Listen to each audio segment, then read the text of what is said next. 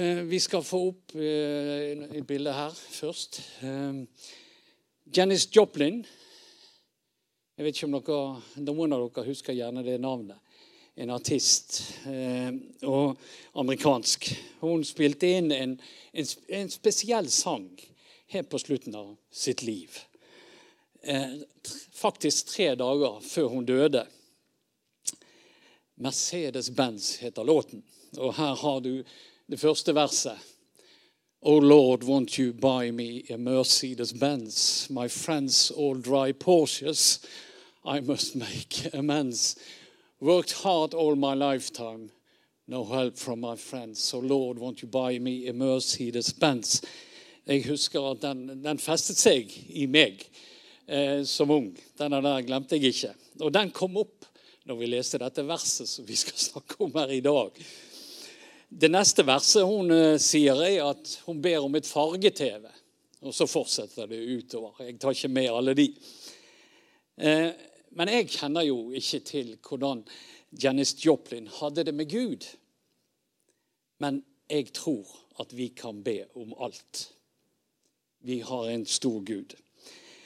Eh, sånn som hun ønsket seg noe så har vi også sikkert ønsker i våre liv. Og ja, som det går an å be om.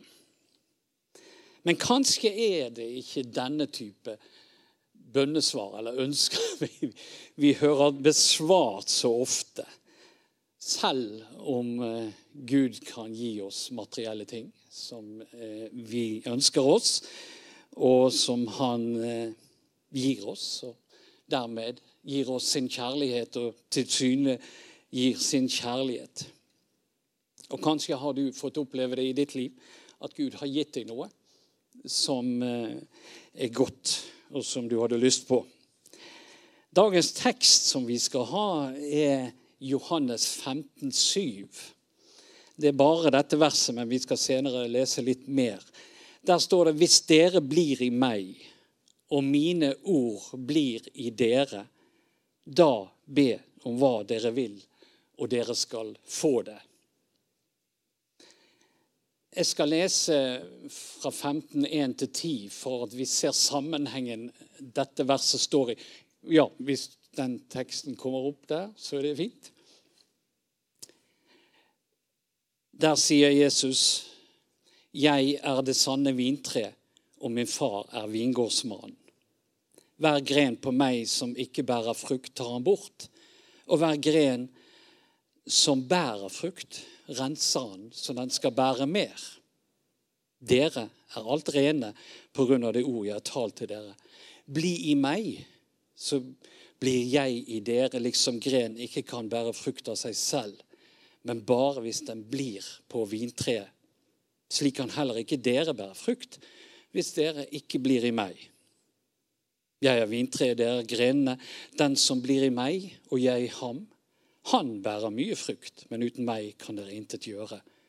Den som ikke blir i meg, blir kastet utenfor som en gren og visner, og grenene samles sammen og kastes på ilden, og de brenner. Hvis dere blir i meg, og mine ord blir i dere, da be om hva dere vil, og dere skal få det. Når dere bærer mye frukt, blir min far forherliget, og da er dere mine disipler. Liksom Faderen har elsket meg, har jeg elsket dere. Bli i min kjærlighet. Hvis dere holder mine bud, blir dere i min kjærlighet, liksom jeg har holdt min fars bud og blir i hans kjærlighet. Dette er et avsnitt som en del av Jesu avskjedstale til disiplene før han begynte på lidelsens vei. Altså så snakker han til kristne, de troende. Han snakker til sine. Eh, det handler om vår relasjon, vår hengivenhet til Jesus, og hva som er resultatet av dette, om det er frukter i våre liv. Eh, jeg har nevnt det før. I denne høsten så har Gud talt til menigheten om å komme til Jesus og få av Han det vi trenger for å leve som kristne i denne tiden som vi lever i. Både som enkeltmennesker og som fellesskap. Og det er det vi forkynner denne høsten.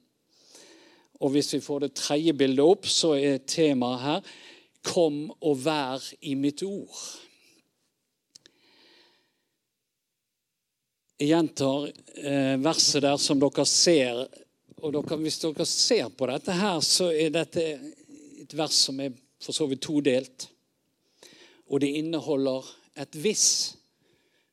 Eller i noen oversettelser så bruker det et 'dersom'. Det følger på en måte et spørsmål med, eller en forutsetning. Og vi kan gjerne si det på en helt annen måte. Siste del vil ikke kunne skje dersom ikke første er på plass. Eller du kan si det på enda en annen måte. Dere kan be meg om hva dere vil, om dere blir i meg, og mine ord får plass i deres liv. Vi kommer litt inn på, på kjernen av dette med overgivelse i dette her. Vi berører noe her av det å gi sitt liv til Gud. Spørsmålet er gir vi plass til Gud og Hans ord i våre liv. Husk på den sammenhengen dette står i, der Jesus bruker et tre for å beskrive vårt forhold til Han. Vi er grener på et tre. Vi henger fast i Jesus fordi vi en dag inviterte Jesus inn i våre liv. I Johannes 15, 15,2, som vi leser, så snakker Jesus om det som er gartnerens oppgave og gjøremål. Hver gren på meg som ikke bærer frukt, tar han bort. Og hver gren som bærer frukt, renser han så den skal bære mer. Altså ved å beskjære treet vil treet bære mer frukt. Det høres brutalt ut, men det er nødvendig om man skal få mer frukt. Jesus snakker om vintreet som vokste i Israel. Men her hjemme blir det samme gjort med f.eks. epletre. Gartneren Jesus vil rense oss slik at vi kan bære mer frukt. Å bære frukt betyr at det er et resultat av det livet vi lever med Jesus, som inneholder bibellesning, bønn, fellesskap med andre kristne. Når vi tar imot Jesus som Herre, så gir Gud oss sin ånd, som blir en livskraft inni oss. Som sevjen stiger opp av jorden hver vår og fører til vekst i treet. Først blader, så blomst, så frukt. På samme måte fører Guds kraft, Den hellige ånd, til vekst og frukter hos oss i våre liv. Og det er disse fruktene Paulus beskriver i Galaterne 5,22. Men åndens frukt er kjærlighet, glede, fred, overbærenhet, vennlighet, godhet, trofasthet, tålsomhet og selvbeherskelse. Ser vi på disse fruktene, så legger vi merke til at det er bare gode ting. Det er sånn som Jesus var. Og målet er jo at vi skal ligne på Jesus. Være gode mot våre medmennesker. Og er vi det, så vil måten vi er på, være peke på, på Gud, som det står i vers 8, som vi leste. Når dere bærer mye frukt, blir min far forherliget. Altså bare det at vi bærer frukt, bare det at vi gjør godt og viser gode gjerninger og velsigner andre mennesker, gjør at Gud blir æret og forherliget. Og da, når vi gjør det, så er vi hans disipler. Husk på at dette verset inneholdt et 'hvis' eller et 'dersom'. Hvis dere blir i meg, og mine ord blir i dere. Gud vil ta bolig i oss. Og han vil at vi skal slippe han til, slik at han kan forandre våre liv gjennom sitt ord og sin ånd. Og da vil, hvis dette vil få så vil mye av det vi ønsker oss, forandres. Og vi begynner å be om det som er etter hans vilje. Vi taper ingenting, for Gud vil ta seg av oss. Han vet hva vi trenger, og han vil sørge for oss, slik at vi er fri til å bære frukt. Fri til å gjøre hans gjerninger her på jorden. Og vi vet han har sagt søk først Guds rike og hans rettferdighet, så skal dere få alt det andre i tillegg. Gud kaller oss gjennom dette verset som er teksten i dag, til å komme og være i Guds ord. Til å komme og være i Guds ord. Og Det betyr jo å bli kjent med ordet. Lese det daglig, lære det, slik at det kan få betydning for hvordan vi lever livene våre. Eh, hvis vi kan få opp bilde nummer fire der. En har sagt dette her. Eh, altså når et barn ser inn i Guds ord og ser Guds sønn, blir han forandret ved Guds ånd til Guds bilde, til Guds ære. Og det rimer jo bedre på originalen på engelsk, som vi ser. Og det er så sant at når vi ser inn i ordet, når vi ser Jesus, så blir vi forandret til å ligne Han. Så lar vi Guds ord få plass i våre liv, så blir vi forandret til å ligne Jesus. Det at vi kan bli forandret av å lese i Bibelen, er ikke så rart, for Guds ord er så mangt. Vi vet jo det at Guds ord kom ned til himmelen, fra himmelen til oss i form av Jesus. Og ordet ble menneske og tok bolig iblant oss. Og vi så hans herlighet. Den herlighet som den enbårne sønn har fra sin far, full av nåde og sannhet. Guds ord er sannhet, sier Jesus. Hellige dem i sannhet. Ditt ord er sannhet. Guds ord er kraftig. Det er liv. Den hellige ånd bor i ordet. For Guds ord er levende og virkekraftig og skarpere enn noen tveget sverd. Det trenger gjennom til det kløver sjel, ånd, marg og ben og dømmer hjertets tanker og planer.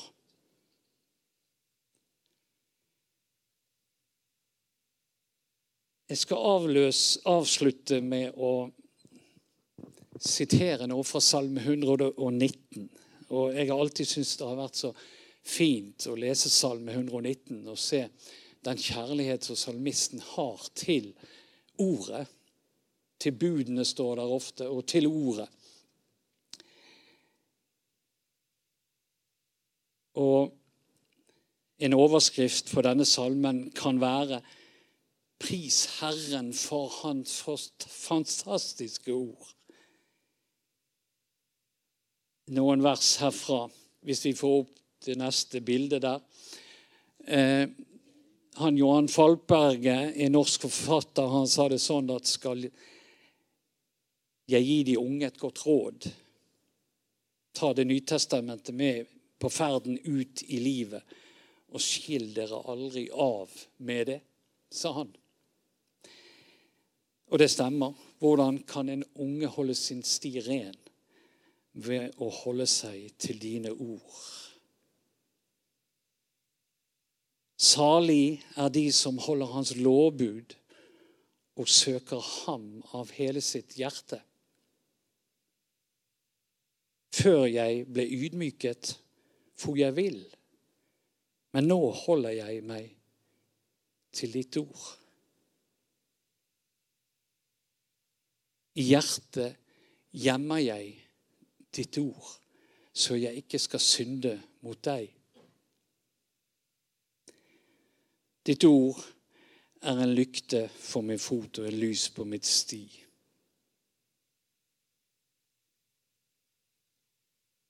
La oss be om det som vi ønsker oss, og samtidig være i Guds ord. Skal vi be sammen? Vi takker deg, Herre, for at du er en allmektig Gud som kan alt. Du kan gi oss det vi ønsker oss. Takk, Herre, for at du også er en Gud som ønsker å forandre oss til et bilde av deg, slik at vi gjennom våre liv kan ære deg og tilbe deg og løfte deg opp. Og Herre, vi ber om at du kommer med din kraft, og så renser du oss. Rens oss og ta bort det som ikke skal være der, slik at vi i våre liv kan bære frukt for deg, for ditt rike. En frukt som varer til evig tid. Herre, vi ber om din hjelp. Det er så lett i den tiden vi lever i, å bare leve for oss sjøl og alt det som vi er opptatt av. Men vi vet at du har mer for oss. Du vil mer for oss. Du kan ta oss videre til nye ting. Og vi ber deg, Herre, om at du arbeider på våre liv former og danner oss til det du har tenkt, slik at vi ved våre liv kan ære deg og opphøye deg. Takk, Jesus, for at du er overbærende og tålmodig med oss. Du er full av tilgivelse og nåde, Herre, imot oss. Og vi får lov til å være dine barn og være elsket. Takk for din kjærlighet og din godhet og alle de tegn på din kjærlighet som vi får motta i våre liv. Ja, vi priser og ærer deg. Amen.